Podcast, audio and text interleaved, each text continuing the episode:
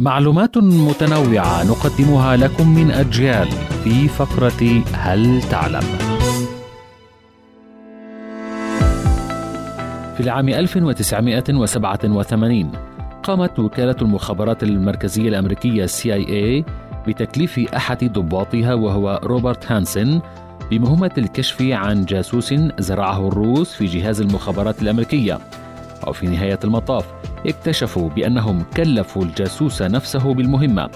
عمل روبرت لصالح المخابرات الروسية لأكثر من عشرين عاما وكان في نفس الوقت مديرا لوحدة مكافحات التجسس. الخبر نقلا عن صحيفة نيويورك تايمز الأمريكية.